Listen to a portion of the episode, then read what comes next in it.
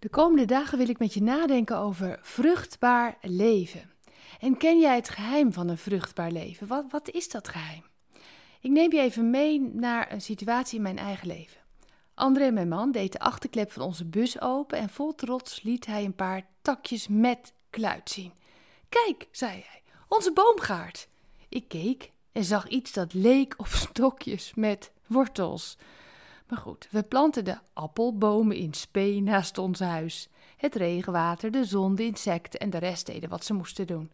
De bloemen aan die iele takjes voorspelden vrucht. En voilà, het gebeurde, een wonder.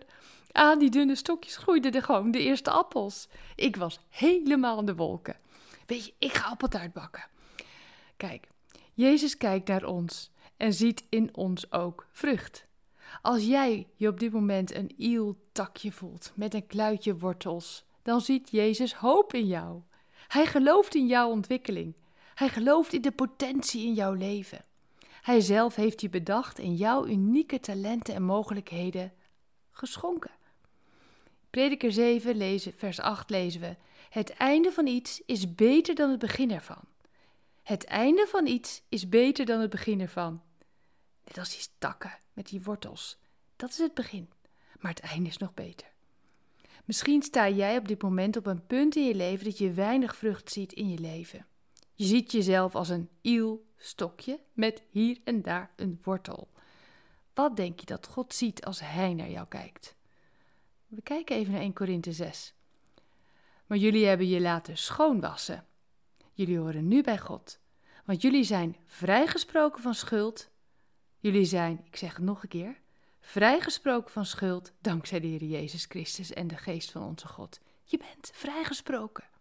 Jezus ziet jou schoongewassen. Je bent fris en fruitig. Je hoort bij God. Hij zorgt nu voor je. Hij wil je water geven als je het nodig hebt. Je bent vrijgesproken. Je bent vrij om te worden wie je bent, zoals God je bedoeld heeft. Uniek en bijzonder. Oh, dankzij Jezus. Kortom, Samenvattend. Je leidt een vruchtbaar leven als je in vertrouwen zijn waarheid over jouw leven absorbeert, zodat vrucht kan groeien. Zullen we samen danken? Heer, dank u dat ik mag weten dat ik bij u mag horen. Ik ben met u verbonden. U zult vruchten mijn leven laten groeien dankzij uw zorg voor mij. In Jezus' naam. Amen. En voel je een ieltakje met wortels? Wacht maar af. Wacht maar af. Vrucht gaat komen. Bedankt voor het luisteren naar Ik Wonder Jou. Hebben de woorden je hart geraakt en de teksten je geïnspireerd? Gun ook anderen Ik Wonder Jou. Meld ze aan bij www.ikwonderjou.nl. Ik ben zo blij dat je bestaat.